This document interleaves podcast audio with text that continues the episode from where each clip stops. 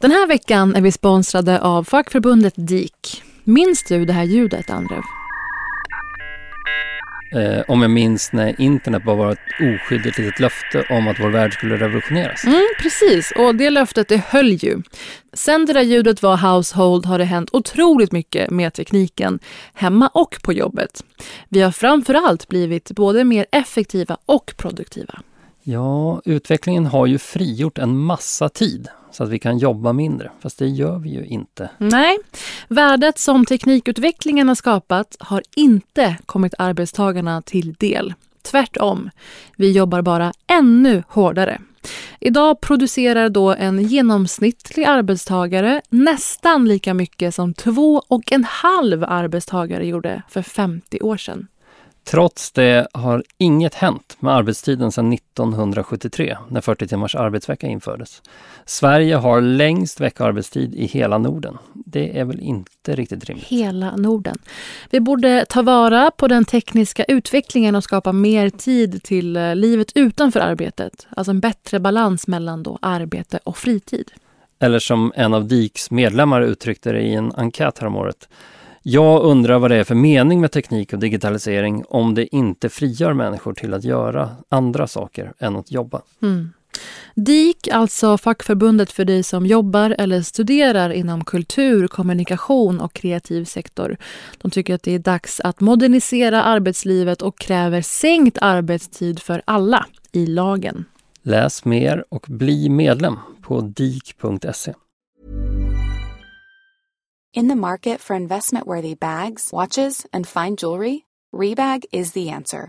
Rebag is a luxury resale platform where each piece is carefully inspected by experts to ensure quality and authenticity. Use Rebag to buy and sell finds from the world's top brands, including Louis Vuitton, Chanel, and Cartier. Head to Rebag.com to get 5% off your first purchase with code REBAGNEW. Shop today at Rebag.com. That's R E B A G.com. And use promo code REBAGNEW for 5% off your first purchase. Imagine the softest sheets you've ever felt. Now imagine them getting even softer over time. That's what you'll feel with Bowl and Branch's organic cotton sheets. In a recent customer survey, 96% replied that Bowl and Branch sheets get softer with every wash. Start getting your best night's sleep in these sheets that get softer and softer for years to come. Try their sheets with a 30-night guarantee. Plus, get 15% off your first order at bowlandbranch.com. Code BUTTERY. Exclusions apply. See site for details. Ryan Reynolds here from Mint Mobile. With the price of just about everything going up during inflation, we thought we'd bring our prices down. So to help us, we brought in a reverse auctioneer, which is apparently a thing. Mint Mobile unlimited premium wireless. Ready to get 30, 30, bit to get 30, bit to get 20, 20, 20, bit to get 20, 20, bit to get 15, 15, 15, 15 just 15 bucks a month. So, Give it a try at mintmobile.com/switch. slash $45 upfront for three months plus taxes and fees. Promo rate for new customers for limited time. Unlimited more than 40 gigabytes per month. Slows. Full terms at mintmobile.com.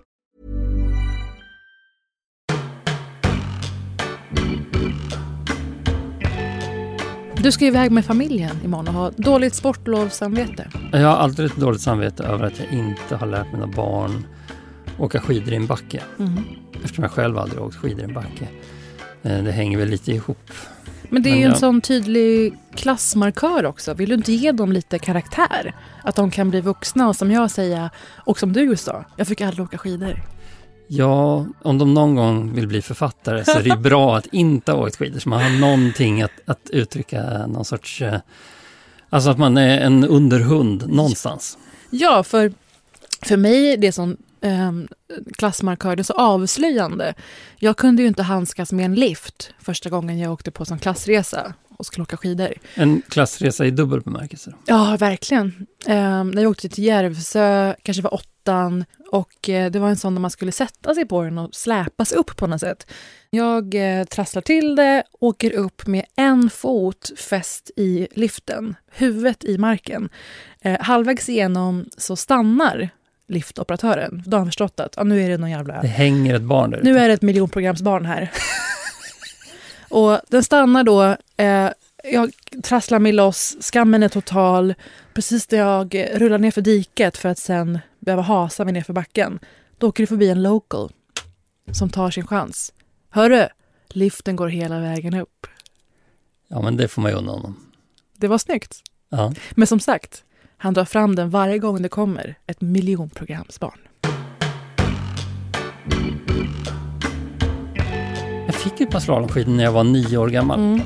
Av min mammas väninna. I den där romanen känns som Lilla molnet. Hon som röker så mycket. Mm. Jag fick ärva ett par skidor av, av hennes söner. Mm. Ett par slalomskidor och pjäxor. Jag hade på mig de där slalomskidorna och pjäxorna flera gånger. Fast aldrig utomhus. Jag Aldrig i stod bruk. bara i hallen hemma hos Lilla molnet. Så tog jag på mig pjäxorna och klickade i dem i skidorna, så det vet jag hur man gör. Fattigmansskidåkningen i hallen. Ja, men jag stod framför hallspegeln och Mm. lutade fram och tillbaka. Som jag hade sett då på TV. Jag tycker att du ska unna dina barn att ha såna här minnen. Men nu ska de få åka skidor. Nej, Nej. vi ska åka till eh, finska Lappland och titta på norrsken. Barn är ju helt ointresserade av norrsken, men det lär också finnas bra wifi på hotellet. Jag har ju börjat vända lite om norrsken. Jag har ju varit norrskenskritisk. Du tycker det är platt och ointressant. Jag tycker inte att det är så fint som, som folk vill få det till. Jag tycker att färgen är lite överansträngd. Jaha, den Alltså, är det är- övermättad. Ja, det är overdone. Folk vallfärdar världen över till vårt, eh, vårt land och det finns grupper på Facebook tillägnade det här fenomenet. Ja. Eh, men du tycker att det är Ja, lite tänk- vulgärt nästan. Ja, Ja. att det är någon sorts Scooby-Doo-spökdimma. det ser ju inte naturligt ut. Alltså norrsken skulle ju verkligen tjäna på att byta nyans. Tänk om norrsken var vitt. Ja, kanske gult då. Någon icke-syntetisk nyans. Men det här är början av Ruben Östlund-filmen där olika modeller i Triangle of Sadness, en ska visa att den är kommersiell och då ler den och är glättig. Och sen ska de vara svåra och mode och då är de Balenciaga och ser svårmodiga ut. Du vill inte ha um, Ullareds norrsken, du vill ha Balenciaga norrsken. Ja, jag skulle vilja justera nyansen en aning. Men eh, jag var uppe i eh, Kiruna. Då råkade jag se norrsken en kväll och det var första gången jag såg norrsken. Blev du motvilligt tagen av Jag blev norrskenet? motvilligt tagen. Det var överväldigande. Jag, jag liksom skrek. Kom ut till, till Lisa och barnen. Mm. Det är norrsken. Och sen, ja, men jag blev tårögd. Apropå Triangle of Sadness. Det fanns en ganska trött kritik mot Triangle of Sadness som bara bottnade i att, att Ruben Östlund har blivit så stor så att han måste plockas ner i Sverige. Ja, men det är ständigt. Det är ständigt. Och det är trött. Men det, det var faktiskt den enda liksom rimliga kritik jag såg mot Triangle of Sadness. Mm. Det var kritiken mot att den här eh, städerskan, alltså hon som står lägst i hierarkin Mm. eh, på lyxjakten. Mm. Att hon hamnar överst i hierarkin efter skeppsbrottet eftersom hon är den... Ja men då får hon användning av sina kunskaper, hur man Mm. gör upp eld och så vidare. Men att det här, den heta taken som faktiskt höll var då att så här är det ju inte idag, utan idag är det ju medel och överklassen som vet hur man klarar sig i naturen, för det är bara de som kommer ut i naturen. Eh, Oj, ja. Men, Arbetarklassen och gigekonomins människor, de vet ju inte hur man klarar sig i naturen, för de har ju inga sommarstugor och de har inte råd att åka till Abisko och vandra. Alltså försatt till en svensk kontext, om det här var Rederiet, hade det ju varit så, absolut. Men Dolly de Leon, som alltså spelar den här eh, säderskan, städerskan, hon är ju från Filippinerna. Och det kanske finns en annan kultur då att kunna handskas med såna här element. Um, men det intressanta där är att folk är nyrika. Så de har ju inte lärt sig de här sakerna. De som är där, Henrik Dorsin och ryssen, är alla nyrika. De har inte vuxit upp på vackra gårdar och kan handskas i naturen.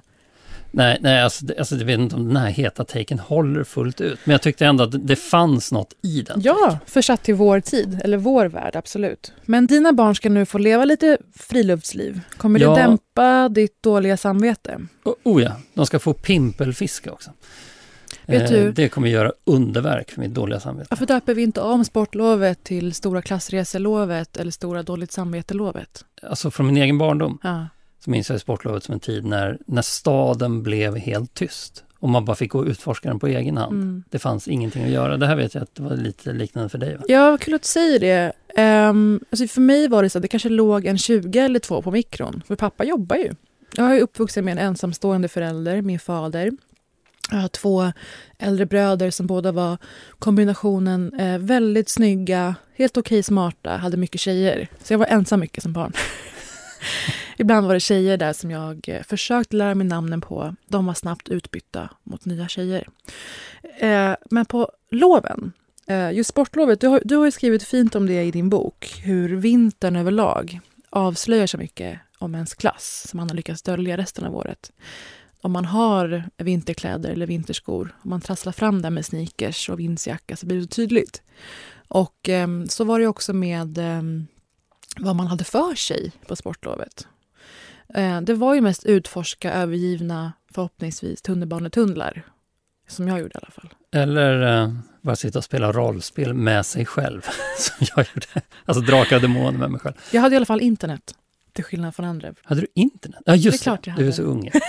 eh, jag minns också vä- väldigt starkt den här eh, avundsjukan på hur snygga de var som kom hem Mm. från sportlov. För de var ju alltid brunbrända, mitt i vintern. Han hade sån här sportlovsfräknar. Ja. Och själv var man bara blek och uttråkad. Du tänker mycket på din hudton. Alltså, det här var ju också då 80-tal. Mm. Då var det ju absolut premium att Mm. vara solbränd. Nu är inte det så trendigt längre. Nej, jag märker att det sitter i hos dig. Du vill gärna inte vara blek. Ja, det är ju den värld jag är stöpt i. Ja.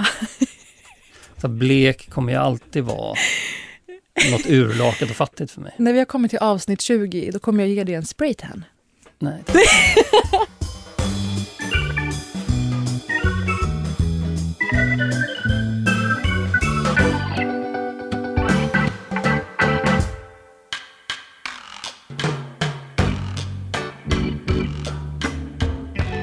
Vem är du villig att dö för? Är det en kuggfråga? Jag behöver veta. Mm, Mina barn kanske är ett lite tråkigt svar, men det är väl. Du förlänger inte det privilegiet till vem som helst. Lisa, mig, producenten. Nej, det är nog nästan bara barn jag är beredd för. Jo, för eh, den här veckan blev det ju känt att vi är nu redo att dö för Viktor Orbán som svenska medborgare. Just det. To be member of NATO uh, together with another country means that we are ready to die for each other, just to put it very simply. Viktor Orbán påstår att det är för att han känner att vi kan dö för varandra. Men det är ju mest att de fick köpa JAS-plan av Sverige. Ja, och så att Dagens Industri då äntligen fick eh, tillfälle att köra den här brittiskt skruvade rubriken. Ja, men det var två ord, va? nej-sägare och så var det överkryssat och så stod det ja-sägare. Vilket också då är ordet JAS-ägare. Wow. Gud, den har de laddat med. Dagens Industri, tidningen. Ja, den hade de suttit och väntat på. Ja, faktiskt. grattis alla krigsprofitörer där ute och Svea rike som nu är med i Nato. Annars så har ju diskussionerna politiskt kanske handlat mer om ett sällan skådat eh, pajaseri. Jag pratade om Romina Pourmokhtari i 30 minuter. Ja, det har ju varit lite svårt att undgå. Jag har ju fortfarande inte sett det Nej. själv. Men det, som det så ofta är i denna tid så vet jag ändå exakt vad som har hänt. För att jag har läst fyra olika krönikor med olika takes på det Ja, här. stäng inte av nu. Vi kommer hantera det här så som det förtjänar att hanteras. Eh, För några avsnitt sen, när vi pratade om Timothée Chalamet, så hittade jag begreppet glass cliffhanger för att beskriva Romina Pourmokhtari. Och det är att man eh, ger en kvinna vad som anses vara någon slags upphöjd position. I likhet med glass ceiling, glastaket, man når upp på något sätt. Men att det bara är en fasad. Att de egentligen är Alltså ändamålet är att kvinnan ska misslyckas. Ska hänga från den här klippan och tappa greppet. Fråntar du inte nu Romina allt ansvar för att hon har sålt ut sig själv? Det tar du med dig nu när vi ska lyssna på 30 minuter. För att det finns en, en slutgiltig känsla som inte är så långt ifrån det du precis sa. Um, glass cliffhanger det är ett fenomen från tech och finansvärlden där man då ska gå igenom tuffa tider i en bransch. Man tillsätter en kvinna i tron att man då kommer vara snällare mot henne i medier eh, när man då går igenom den här krisen. Just det, det handlar om en, en sorts tjuvkoppling av feminismen. Där har vi det, eh, när det missbrukas av andra makter. Men då Anders Holmbergs möte med Romina Pourmokhtari är bland det mest frustrerande man kan se. Så jag kommer att göra lite härlig underhållning av det istället. Låter det bra? Eh, nej, men vi kör ändå. Först ut här då, Romina har ju fått eh, kritik för att hon då stått för vissa värderingar och sen nu verkar helt kovända för att hon har fått en ministerroll. Däribland så kommer ju eh, utsläppen öka markant under hennes styre med nya regler. Vilket ord saknas här? Hur ska det här sluta? Det är hela det här jag vill undvika. Jag som politiker ska inte sitta och... Ha ryggrad. Ha ryggrad. Det hade ju varit en väldigt spännande formulering av Romina. Eh, vi hör vad hon sa egentligen. Jag som politiker ska inte sitta och killgissa. Ja, men här har väl möjligen att göra med att hon då själv försöker tjuvkoppla feminism genom att använda begreppet killgissa som ska få oss att tänka på hur dåligt en kille hade svarat på det här. Att bara där borde hon ha fått poäng. Ja, möjligen. Tycker din ursprungliga gissning hade också varit spännande? Hon ska inte sitta där och ha ryggrad. Ha med den kvar i huvudet när vi nu går vidare. Eh, vissa segment kändes väldigt mycket som att hon haft eh, en del sessions med Ebba Busch eh, talskrivare. Formuleringar känns igen och hon är ju numera under Ebba Buschs eh, ministerstyre, sitter ihop. Till exempel i det här klippet. Hur slutar det här? Konsekvenserna för det här i hela samhället, i plånböckerna hos folk runt om i Hjärtlandet. Hjärtlandet hade varit bra. Hon kör en annan variant som också känns igen och kommer tillbaka ett antal gånger under intervjun. runt om i hela vårt avlånga land. Ja, så det är då för människor i glesbygdens skull som vi inte kan ta ansvar för klimatet. Ja. Här kommer då sista. Och här kan man komma på en, ett antal alternativ. Hur slutar det här? Varför skulle det accepteras då, 2027, 28, mm, 29, 30? Ja, men som liberal gillar jag Som liberal gillar jag Martin Melin. Ayn Rand. Ja, det finns ju hardcore-liberaler ute som alltså typ Mattias Svensson, debattören, Mm. ledarskribenten. En oerhört sympatisk man som jag emellertid kanske då i åsikter inte alltid håller med.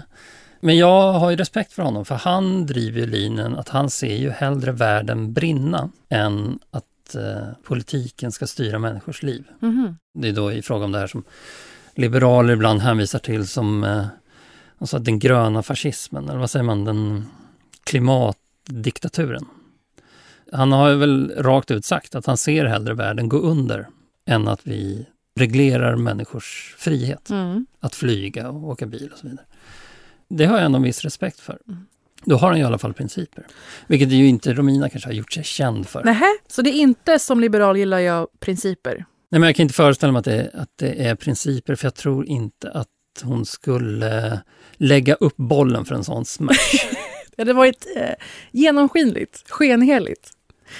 Men jag trodde du skulle säga incest och nekrofili. Ja, men det är väl ungdomsförbundet. Alltså LUF, där Romina faktiskt var ordförande i många, många år, eh, ville göra det lagligt med incest och nekrofili. Men det tror du inte är svaret här. Fast de är väl duktiga på effektsökeri. Mm.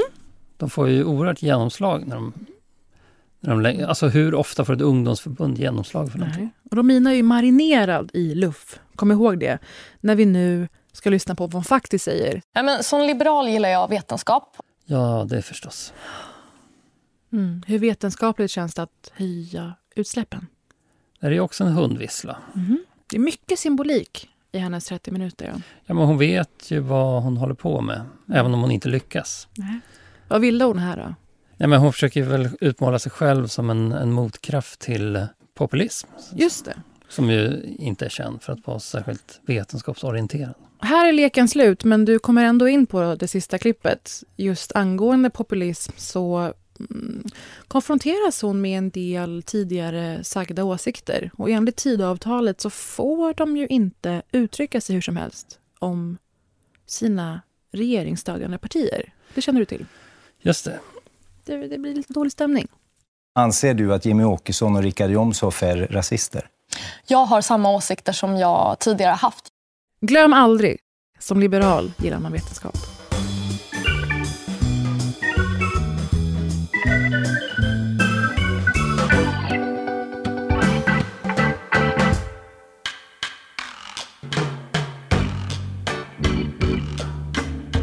Jag har varit på Coop igen.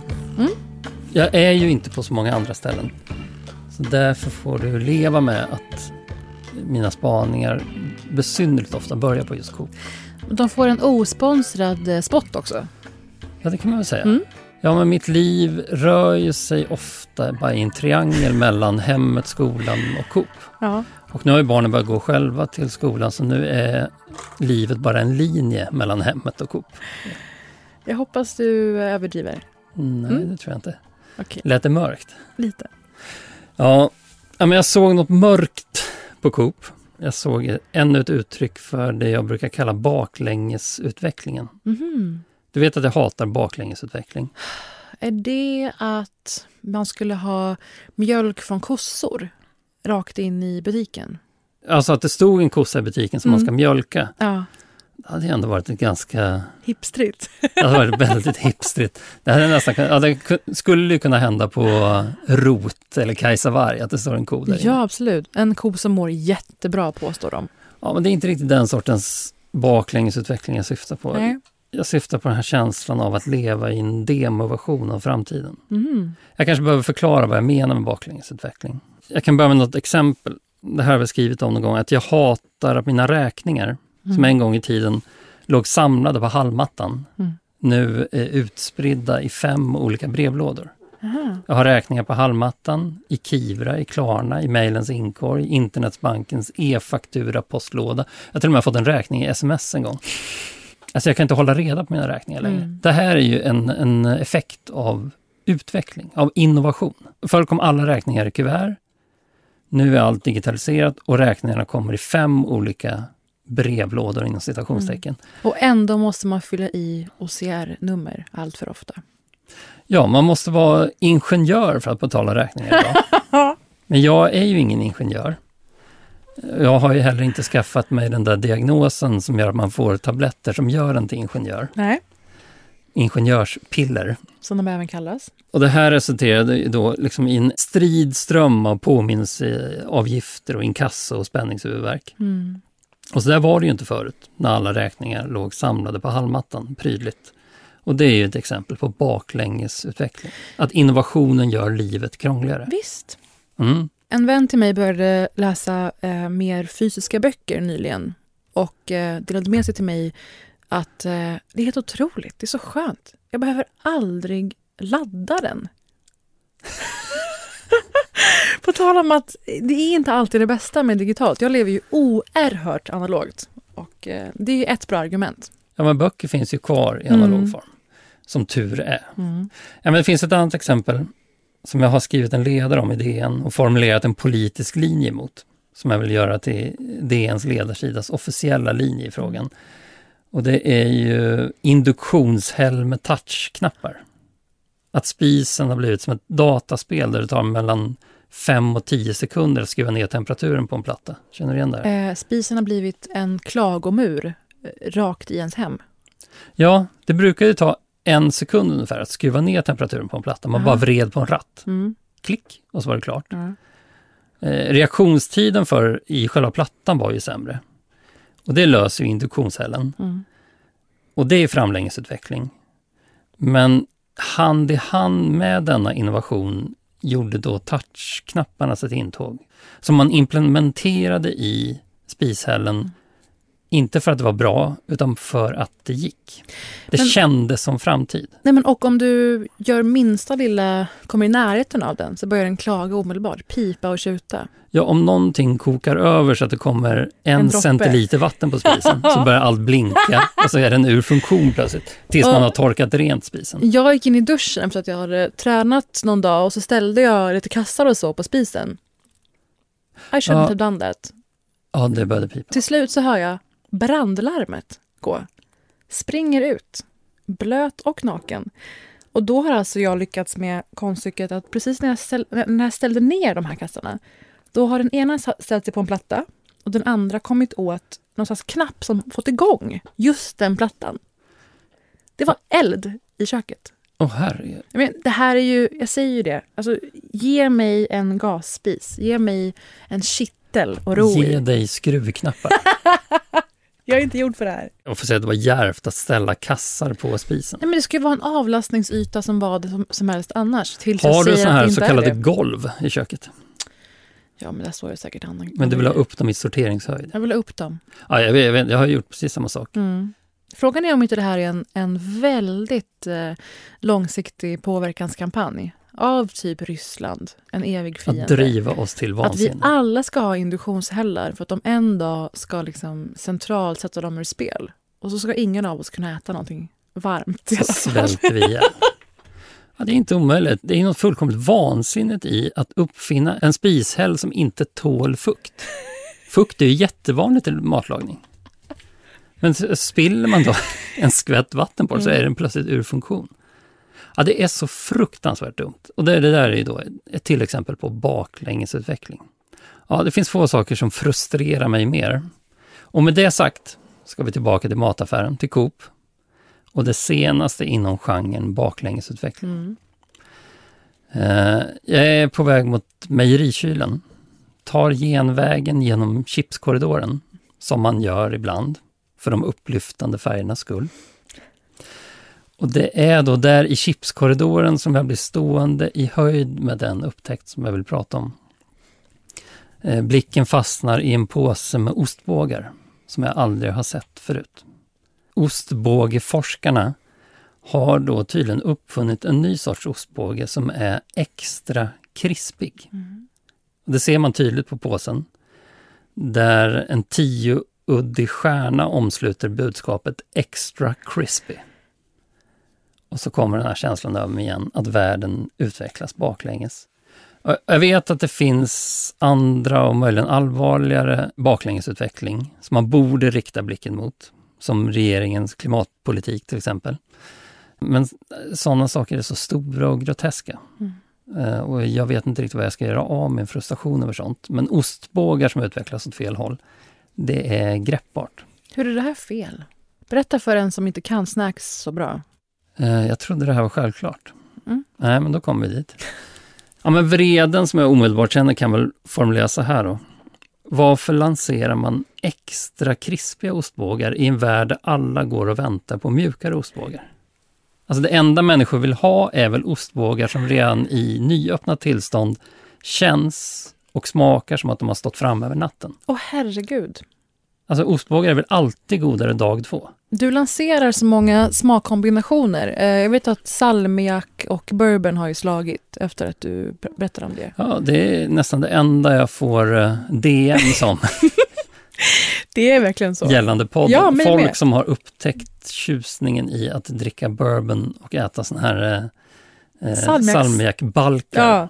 Nej, men det här med ostbågar, jag är ju inte väl bevandrad inom eh, snacks tyvärr. Men Det låter ju otroligt. Men jag, Ja, men jag... tro mig när jag säger att problemet med ostbågar är inte att de är för okrispiga. Nej, okej. Problemet är själva motsatsen. Vad konstigt, för jag tror att jag är bara lagd annorlunda här. Ehm, jag fick nog inte köpa ostbågar och sånt när jag var liten.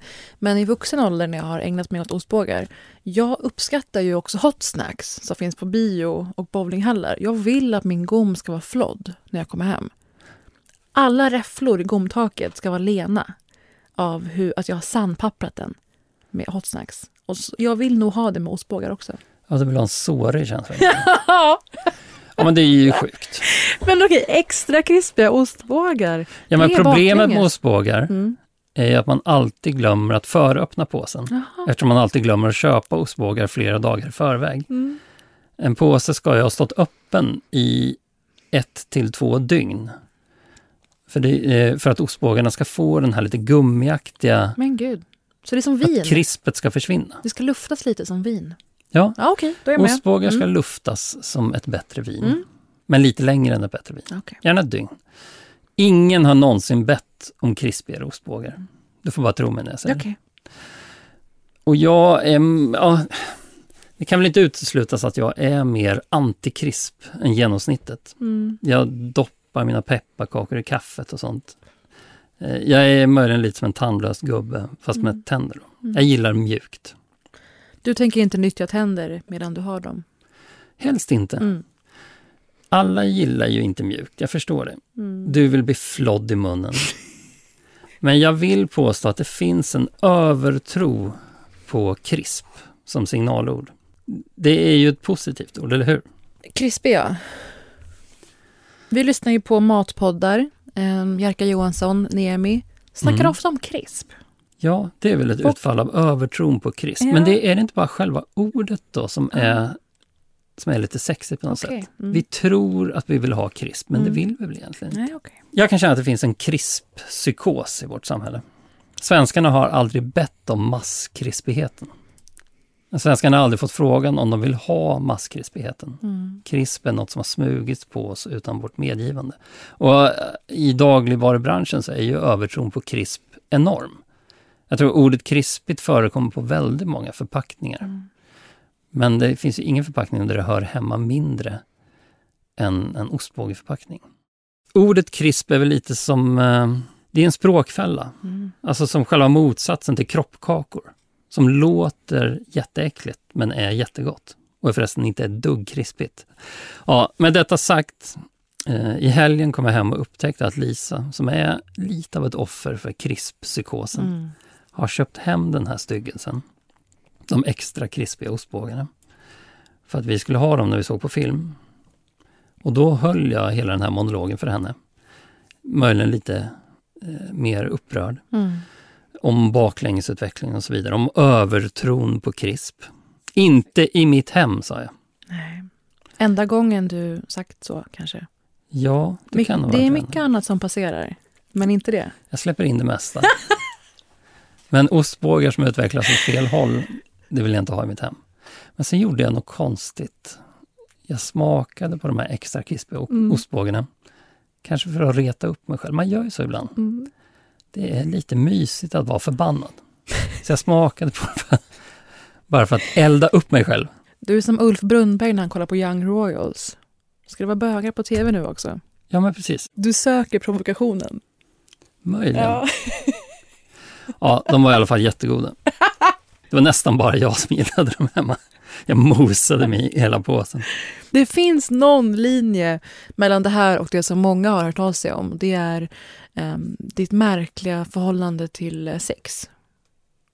Överlag, men också framförallt i kulturen, i tv och film. Att jag absolut inte vill se det på film. Ja. Är det kanske verkligen tror märkt? att Alla du- är väl trötta Du på kanske sex? tror att du principiellt tycker och vill en sak och sen så visar det sig att du, som nu, du gillar det ju deep down. Liksom norrskenet. Att du bara har de här käpphästarna. Ja, det kan nog vara lite så. Men jag vill ha fört i protokollet att jag tuggade väldigt argt medan jag mosade i mig hela påsen.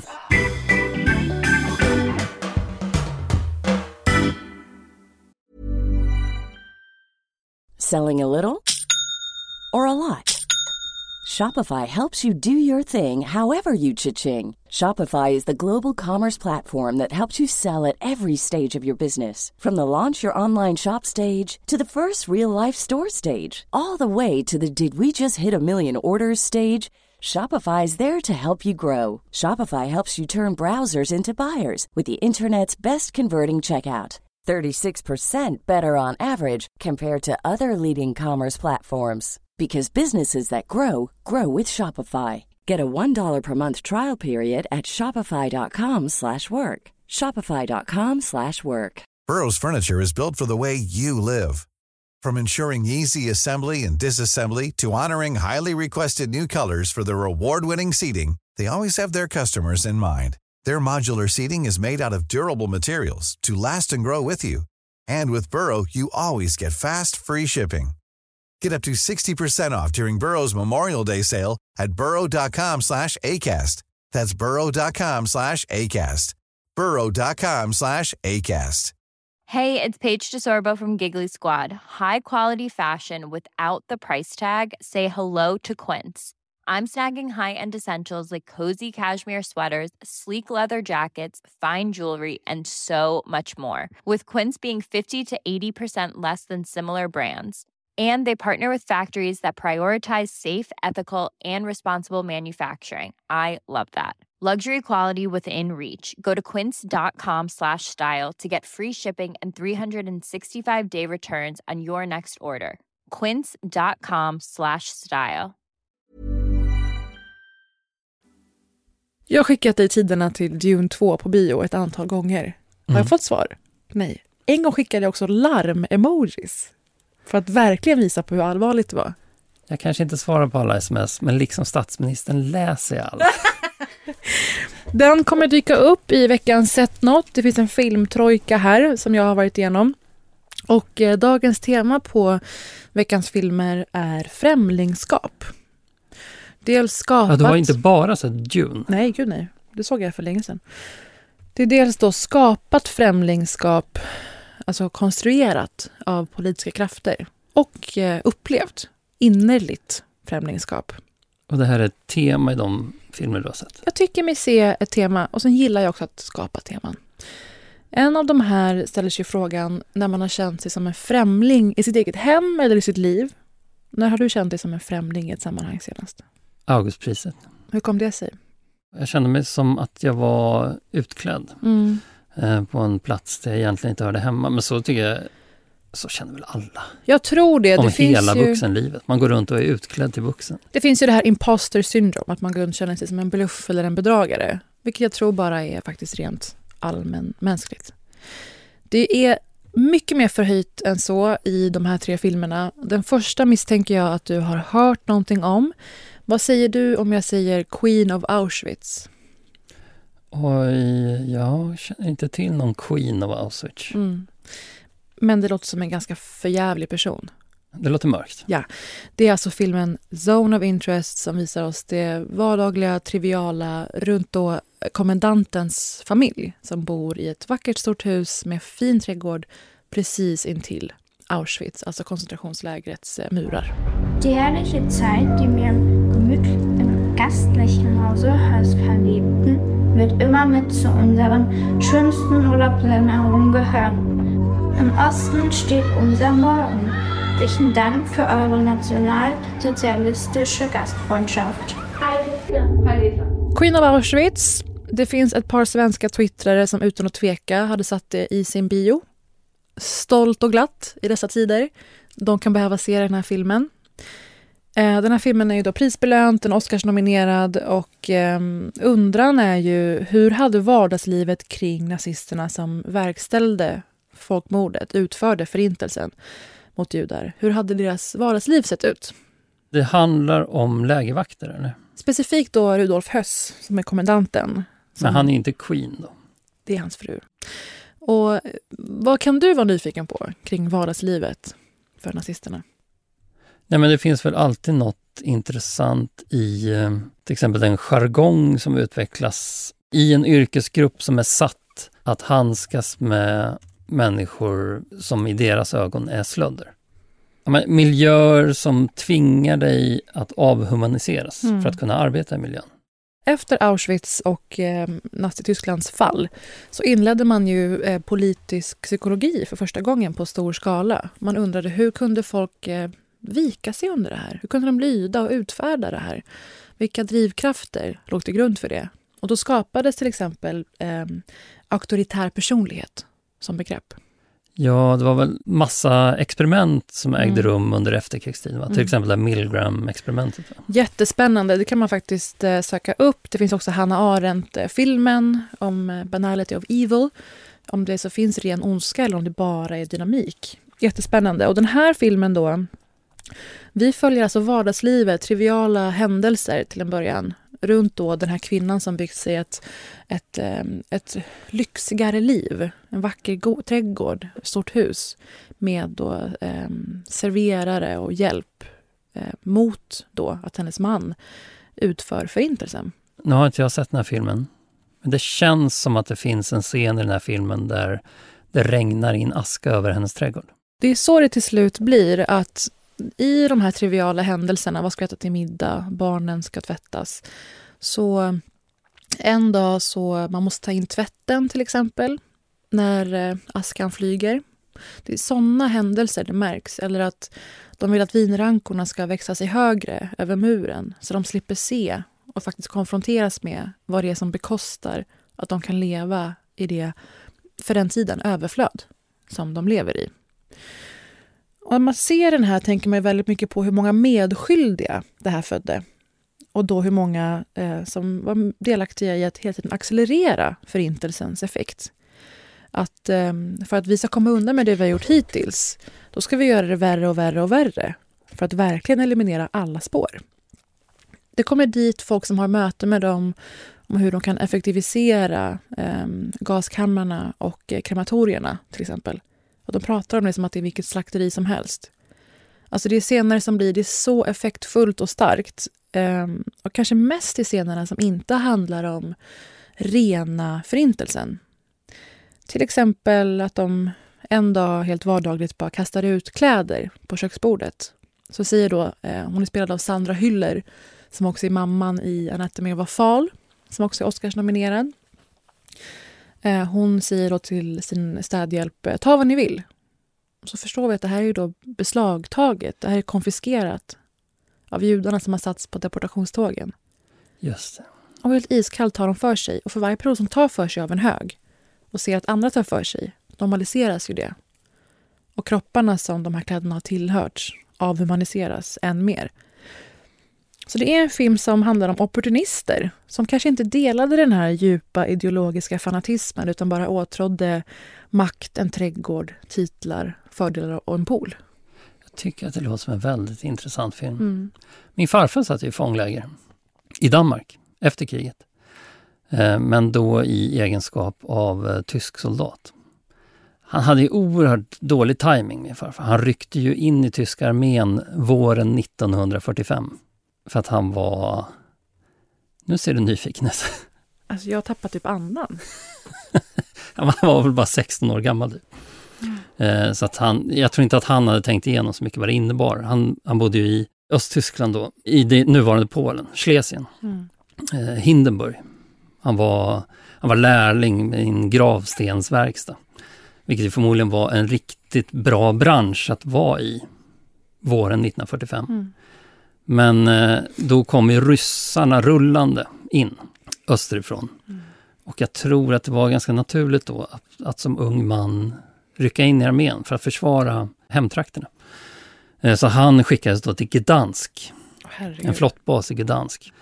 Ja, det blev ju en mardröm förstås. Det, jag tror att baracken där han och de andra unga soldaterna bodde, de, det slog ner en granat i den redan första natten och så dog hälften kanske. Eh, så de, det första han behövde göra när han hade ryckt in som soldat var ju att eh, borda ett beslagtaget holländskt fraktfartyg för att eh, evakueras. Eh, det är den största evakueringen i mänsklighetens historia när Hitler evakuerade hela Gdansk och eh, dåvarande Östtyskland mm. för att ryssen kom. Eh, så min farfar hamnade då i Danmark. Mm. Och klev väl av där lagom tills kriget tog slut och hamnade då i ett danskt fångläger. Där med en massa andra tyska soldater. En kort militär karriär? Mycket kort, det rör sig kanske om någon månad eller någonting. Eh, innan han då blev fånge. Och de här, det finns en dansk film, jag har inte sett den. Det finns en dansk film som handlar om de här lägren och avhumaniseringen där. Mm. För då hade vi det här elementet att, att förintelsen hade blivit känd. Mm. Och det var dessutom då fångläger på, på tidigare ockuperad mark. Så att de här fånglägren, där en massa tyska soldater satt i Danmark, de var ju så avskydda av danskarna så att de skickade inte ens in doktorer och sånt. Utan det var ju fruktansvärda missförhållanden i de här lägena. Och det var ju många som dog där. Det här är ju otroligt intressant, André. Ja, det alltså det osar det nästa bok. Det luktar lite nästa bok kanske. Eh, människan har ju nära till kollektiv skuld. Ja. Alltså vi har ju väl fortfarande inte riktigt förlåtit tyskarna. Ja, när de väl släpptes då, så fick han ju gå hem till Tyskland igen. Det var ju också en, en ganska tung vandring. Uh, han orkade inte hela vägen fram utan han... Ja, det, var, det fanns inget att återvända till heller eftersom hela Östtyskland då var tömt på en, tyskar. En hård persons kommentar till det. Han kunde gott få gå. ja. Det är min åsikt. Uh, gud vad intressant. Det här är första gången jag hör dig nämna det här överhuvudtaget. Oj, ja. Uh, det här tycker jag verkligen att vi ska ägna ännu mer tid åt. Uh, och som du var inne på, de delade inte nödvändigtvis eh, ideologin utan såg bara möjligheter för sig själv personligen. Vare sig det var ära eller titlar. Eller vad tror du var hans motiva motivation? Eh, jag har ingen aning. Jag kände inte min farfar. Nej, men du har inte hört någonting heller om vad som kan ha... Jag har ju bara pratat med hans son. Mm. Att jag visste inte ens att min, vem min farfar var. Mm. Fram till häromåret när jag hittade honom och då var han död sedan några år tillbaka. Mm. Så jag har inte hört honom berätta den här historien själv, men jag har hört den då i andra hand. Så Otroligt spännande. Ja, men här så ser vi ju då eh, de olika verktygen för att förfrämliga människor. Skapa främlingar av människor. Och det blir desto lättare om du har saker att vinna på att de är främlingar. Om du har att vinna på att det enda vi hör eller ser av judarna här är, eh, vi har skrik utanför murarna ibland. Alltså man ser inte judarna i filmen. En eh, pojke från lägret syns och han kommer ibland för att borsta soldaternas eh, stövlar. Men han gör det när han är utom synhåll, när familjen inte ser honom. Ja, så att förintelsen är något som pågår på andra sidan väggen. Så att Mm. säga. Effektivt. Det är, jag var förvånad över hur effektfullt det var. Tyska ingenjörsundret eh, får löpa amok i den här filmen. Man blir lätt illamående. Men det som är spännande är att se hur man kan vara så selektiv som människa. Vad man bryr sig om, vad man inte bryr sig om. Vad man blir upprörd över och känner sympati för och inte. Att massa människor har det där i sig. Jag tror att vi alla går därifrån med känslan att eh, hur nära hade man själv haft till det där? Eh, Sandra Hyller då, Queen of Auschwitz, gör allt hon kan för att bibehålla sin nya position. Vi förstår via hennes mammas eh, besök att mamman har varit städerska hos en av judinnorna som eh, är satt i koncentrationslägret. Och där skvallras det om en klasstillhörighet. Att hon har nog kommit från väldigt enkla förhållanden. Och nu gör hon allt hon kan för att bibehålla rollen som Queen of Auschwitz. För att ordningen är vänd. Ja, på tal om det, eh, Triangle of Sadness. Och att det stärker ju hennes man då ytterligare i att hela tiden öka siffrorna som rapporteras hem. Effektiviteten. Effektiviteten, läs eh, mördandet av judar på industriell nivå. Eh, så det är, det, är liksom, eh, det är förintelsen sett utifrån periferin, de mekanismerna som hela tiden informerar och pressar på och upprätthåller den här gemensamma, det här gemensamma brottet. Låter som en otrolig film. Det är en otrolig film. Ehm, den kan ibland upplevas som lite halvfärdig. Det finns några lösningar jag tycker är lite så, hur ska vi få slut på det här nu då? Ehm, men det gör ingenting. För att de scenerna där det kommer tänder flytande i sjön, där kommendantens barn badar, det är så starkt att det, det får vara så. Jag köper det. Så Zone of Interest, en av årets eh, starkaste filmer som jag tycker man verkligen borde se. Filmen fick ju pris på Baftas. A friend wrote me after seeing the film uh, the other day that he couldn't stop thinking about the walls we construct in our lives, which we choose not to look behind. Um, those, are, those walls aren't new from before or during or since the Holocaust, and it seems stark right now uh, that we should care about innocent people being killed in Gaza or Yemen in the same way we think about innocent people being killed in Mariupol or in Israel. Thank you.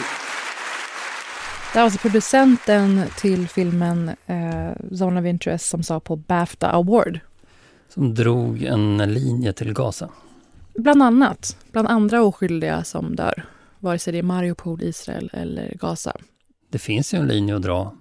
Oavsett vilken sida man sorterar sig själv i, i konflikten mellan, mellan Israel och Hamas, så går det ju inte att komma runt det faktum att det pågående massmordet på palestinier hade inte kunnat ske om vi fullt ut hade betraktat araber som människor.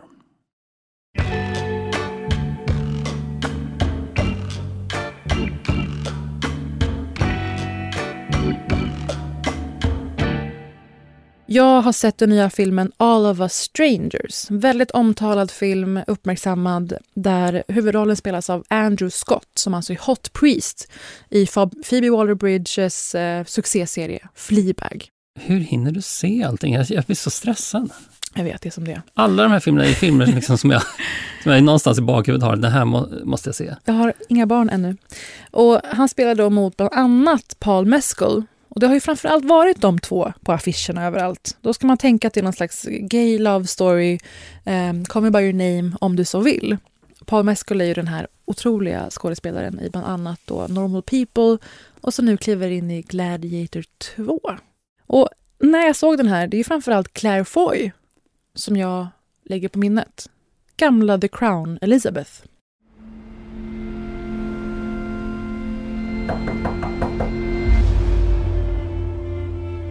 Hello. Hi. Saw you looking at me from the street. I'm assuming you're not with anyone. Never see you with anyone.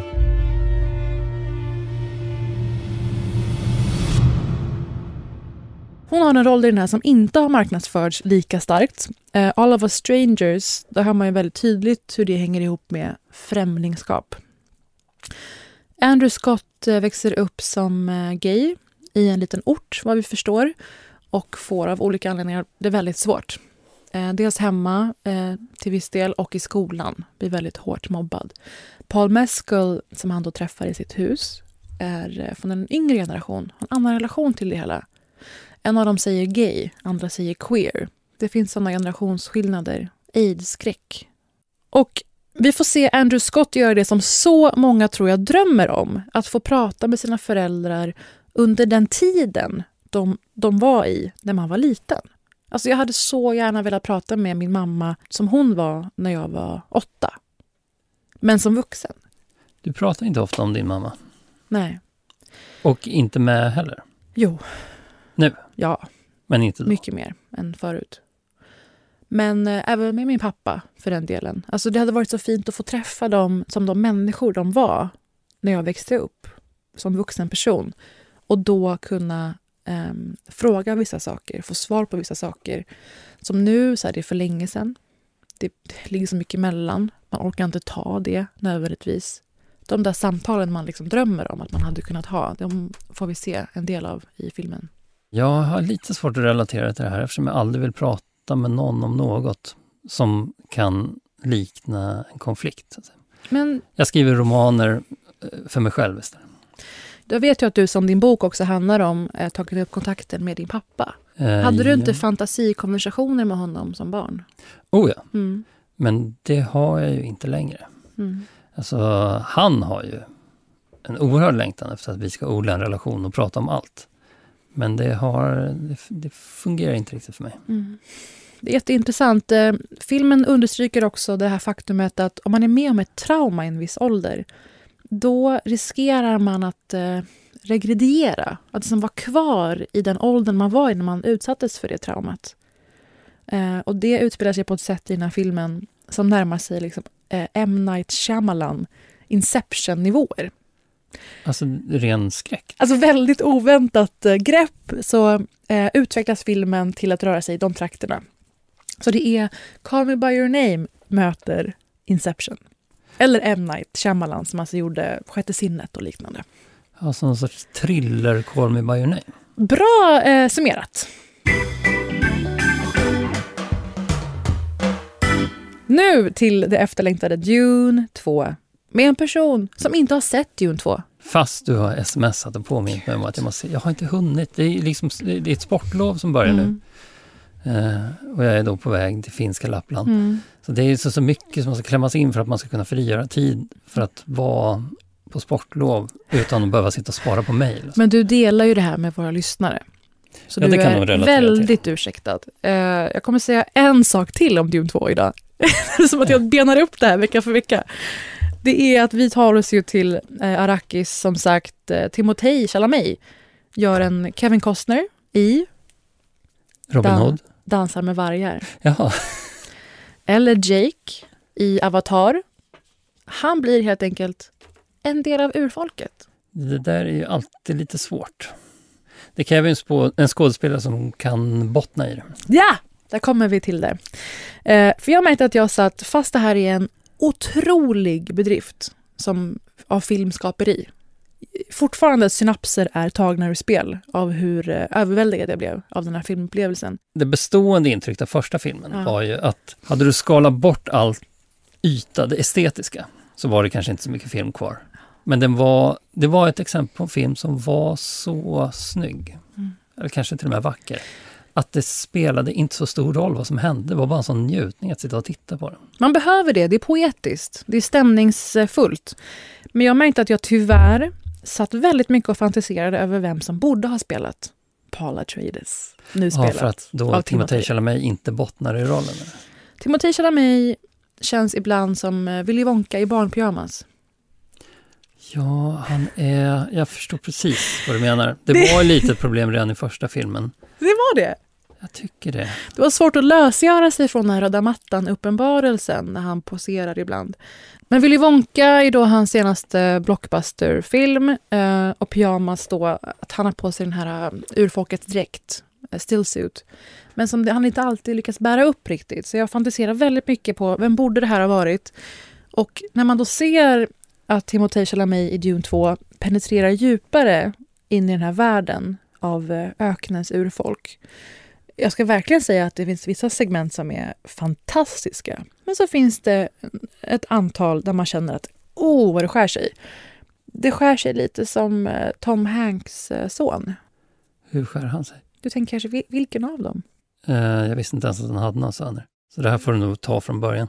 Du, eh, Tom Hanks har nog jobbat hårt med många publicister för att så många som möjligt inte ska veta att det här är hans son. Jaha, har han, är det lite Joe Biden-case? Hur då menar du? Att han har en problematisk son? han har en son som blivit ett fenomen. Eh, som han ibland tar med sig på evenemang. Och eh, så här kan det låta. Big up, big up the whole island massive. It's your boy Chatana coming straight from the Golden Globes, you want saying? Me me father Tom Hanks presenting in a what soon forward come. Big up, tune in! Han pratar som Gary Oldman i True Romance. Det är en snäll tolkning. Eh, något du reagerar på? Att han låter lite som en jamaican. Ja! Vilket jag antar att han kanske inte är. Nej, så här ser han ut. Vad ser du? Eh, han ser inte så jamaican Han ser mer ut som att han är med i en synk. Exakt vad jag tänkte. En biffigare Justin Timberlake, hade jag skrivit. Um, ja, han ser alltså ut som Justin Timberlake, men ägnar sig åt patwa, alltså jamaicansk eh, dialekt. Och jag säger inte att... Alltså cultural appropriation-begreppet känner man ju i, i vindarna här när vi pratar om det här. Det är inte det jag tänker. Det är bara att det skär sig när, jag, när man ser det här ansiktet med patwan. Liksom det skär sig ibland att se Willy Wonka i pyjamas springa runt i öknen. Jag tänkte redan i, i första filmen att jag hellre, det här nämnde jag i slutet av förra avsnittet, att man egentligen vill man ju ha Adam Driver i den där rollen. Alltså någon som med sin fysik och energi eh, bottnar i det. Mm. Ja, det enda jag Man vill ha på, Adam Driver i allt. Va? Det är så, jag skrek ju till i förra avsnittet. Det är exakt Adam Driver jag kom fram till under filmens gång att jag vill ha. Den som mystiken, svärtan, han kan vara sårbar, han kan vara explosiv och fysisk. Han kan göra allt. Han är otrolig på så sätt. Um, jag kan tänka mig Paul Mescal även, som jag nyss pratade om. Um, men problemet är ju bottnabarometern. Ja. Det är något finkalibrerat över om de bottnar eller inte. Har vi några exempel på skådespelare som inte har bottnat i roller? Alltså jag tänkte på programledare. Om liksom arga snickaren skulle ta över Anna Hedenmo i Min sanning. Ja, det kanske han inte skulle bottna i. Det skär sig. Och sen i förlängningen om Anna Hedenmo skulle vara en tävlande i Mästarnas mästare. Det vill vi inte se. Det vill man väl se? Det vill vi inte se. Ja, men det kan ju finnas en, eh, något underhållande i om man inte riktigt bottnar Absolut. Det skulle under, men det skulle vara lika underhållande om du och jag var med i Mästarnas mästare. Ja, jag skulle äga det. Du skulle äga mm. det? Förklara dig. Jag är atletisk. Du är det? Jag är en tävlingsmänniska och är atletisk. Oh, det kan jag tänka mig. Om någon lyssnar på det här... Du skulle gå fram som en slugger. Sign me up! Ja, men det är, när man pratar om skådespelare som inte riktigt bottnar i rollerna, ja. Då brukar ju Kevin Costner komma upp tidigt i den diskussionen. Mm. Eh, dels på grund av Dansa med vargar, men kanske framförallt för Robin Hood. Va? Du känner så alltså? Ja, men det är väl urexemplet på en skådespelare som när man tittar på honom, eh, jag gillar ju jag Robin med. Hood med Kevin Costner. Jag med. Eh, men eh, jag, har, jag tror ju inte på Kevin Costner som mm. Robin Hood. Alltså han, han, orkar väl inte ens anstränga sig för att anlägga en, någon sorts brittisk dialekt. Utan, jo, men han pratar kanske någon brittisk dialekt i fyra minuter i mm. början mm. och sen släpper han det bara. Det är ofta språket och dialekten som är problemet när jag mest stör mig på Timothée Chalamet i Dune 2. Då är det när han pratar med Zendaya. För då är det två amerikanska tonåringar i mina ögon som möts. Det är som att vi står i ett köpcentrum och då står och snackar om McDonalds. Det är som att karaktärerna i någon ungdomsserie har halkat igenom en, en dimensionsreva och hamnat i fel ramverk. Du har haft Rebecca Ferguson, du har haft Stellan Skarsgård, du har haft Josh Brolin. Och det är så taskigt mot Zendaya och Timothée Chalamet att omge dem av otroliga begåvade skådisar, för de bleknar ju bara. När Josh Brolin öppnar munnen första gången i, i filmen, då är man så här, ah, det är det som vi har saknat. Det är det som har känts fel tills nu. Um, så tyvärr och förlåt, um, men det här är en allmän efterfrågan att jag vill se Adam Driver i såna här roller. Ja, jag vill ta upp en tweet som jag läste en gång. Mm. Jämte Kevin Costner och Timothée Chalamet så finns det ju andra som har gjort roller de inte riktigt bottnar i. Mm. Eh, George Clooney till exempel som astronaut i Gravity. Tycker eller? George Clooney som Batman. Han funkar ju nästan inte i någonting. Fast man gillar honom ändå. Han har sån oerhörd karisma. Clooney Men du tror ju inte en sekund på att George Clooney är astronaut. Clooney som charmig astronaut som gamer Sandra Bullock i Gravity. Eh, nej men det, det, det går bara inte. Okej. Men, eh, men jag, jag gillar det ändå. Liksom. Eh, sen finns det ju skådespelare som inte bottnar i en enda roll och saknar charm, som Mm. Jared Leto till exempel. Han kan förstöra vilken film som helst. För Mm. han har... ehm, jag är fascinerad av filmbranschens övertygelse om att Jared Leto bara var felkastad i förra filmen att det kommer funka den här gången. Det funkar Mm. ju aldrig. Men eh, åter till de här som, som man kan förlåta fast de inte funkar. Och åter till den här tweeten som jag läste en gång. Mm. Det var en tweet som skrevs i höjd med att filmen eh, The Last Duel släpptes häromåret. Mm, mm. Ridley, Scott. Ridley Scott. Har du sett den? Nej, nedskjuten film. Då undviker jag den. Ja, den är underbar. Jaha.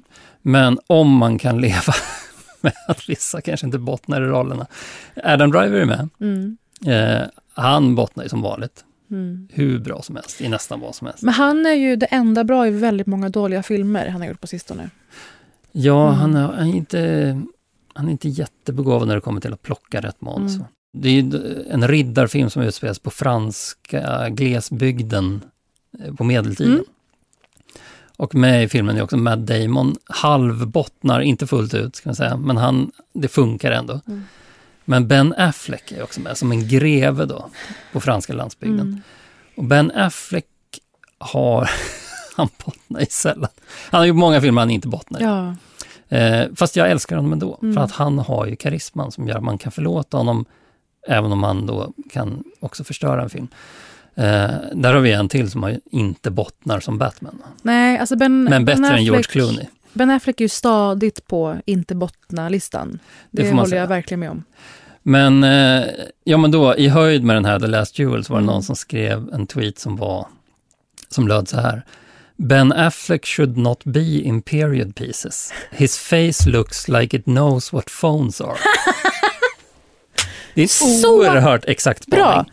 Och Zendaya och Timotej ser ut att veta vad TikTok är och ägnar sig åt det. Exakt. Ja, där har vi det! Lite gåshud. Snyggt, Andrew. Tog ner den. Eh, med det sagt, gå och se Dune 2, eh, säger jag allmänt till lyssnarna och specifikt till Andre Wallen. Ska bli. Och så pratar vi om den lite mer eh, i detalj, vissa grejer. Alltså jag ska ju superse den här filmen. Mm. Jag, jag längtar mycket efter den. Ja, men jag har ju faktiskt sett något på temat främlingskap Mm, i den egna familjen. Mm. Jag har börjat kolla på en serie på Apple som heter Constellation. Med Noomi Rapace i huvudrollen. Jaha. Som svensk astronaut. Eh, och hon... Eh, ja men det är ju en, eh, en mysterieserie på något sätt. Mm. Och eh, hon är med om en olycka på internationella rymdstationen. Eh, det händer någonting och sen kommer hon tillbaka till jorden och upptäcker att hon är lite av en främling i sitt eget liv. Det är något som inte stämmer. Du, hur Marcus Wandt känner nu när han har kommit hem. Svenska det- astronauten Marcus Wandt som gör turné nu i olika intervjusoffor är ju besatt av att få veta, kanske om ett år, om han deprimerad eller inte. Ja. Efter att ha fått göra det han ägnat hela sitt liv åt, vara uppe i rym- rymden och komma ner. Om allting bara har bleknat nu. Det måste det väl ha gjort. Mm. Det blir svårt att... För man, kom, man kommer ju aldrig upp igen om man har varit där en Nej. gång. Ah, Jag är nyfiken på om, ah, om Marcus Wandt har sett Constellation. Ja. Det har ju bara kommit fyra avsnitt hittills, men jag, jag gillar den här för det finns något oerhört kusligt i den. Och det är att när hon kommer tillbaks till jorden så är det små, små... Det går sakta upp för henne att det är något som inte stämmer. Mm. Hennes barn luktar inte som hon ska, hennes dotter. Mm. Eh, färgen på familjens bil. De har en blå bil, men hon vill bestämt minnas att de hade en röd bil.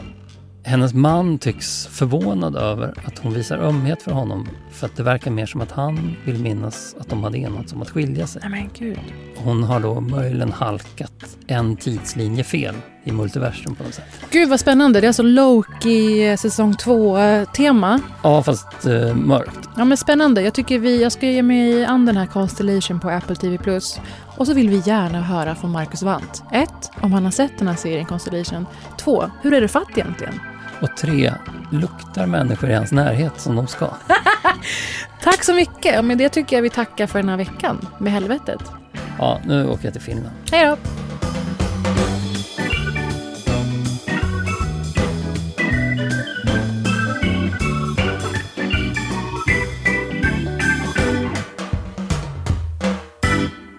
Helvetet med Walden och Parisa görs med Munk Studios.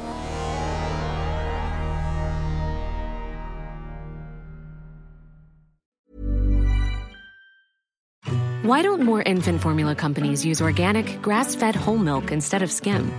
Why don't more infant formula companies use the latest breast milk science? Why don't more infant formula companies run their own clinical trials? Why don't more infant formula companies use more of the proteins found in breast milk? Why don't more infant formula companies have their own factories instead of outsourcing their manufacturing? We wondered the same thing. So we made ByHeart, a better formula for formula. Learn more at byheart.com. Selling a little or a lot? Shopify helps you do your thing however you cha-ching. Shopify is the global commerce platform that helps you sell at every stage of your business. From the launch your online shop stage to the first real life store stage, all the way to the did we just hit a million orders stage. Shopify is there to help you grow. Shopify helps you turn browsers into buyers with the internet's best converting checkout. 36% better on average compared to other leading commerce platforms because businesses that grow grow with Shopify. Get a $1 per month trial period at Shopify.com slash work. shopify.com/work. Imagine the softest sheets you've ever felt. Now imagine them getting even softer over time. That's what you'll feel with Bowl and Branch's organic cotton sheets. In a recent customer survey, 96% replied that Bowl and Branch sheets get softer with every wash. Start getting your best night's sleep in these sheets that get softer and softer for years to come. Try their sheets with a 30-night guarantee. Plus, get 15% off your first order at bowlandbranch.com. Code BUTTERY. Exclusions apply. See site for details.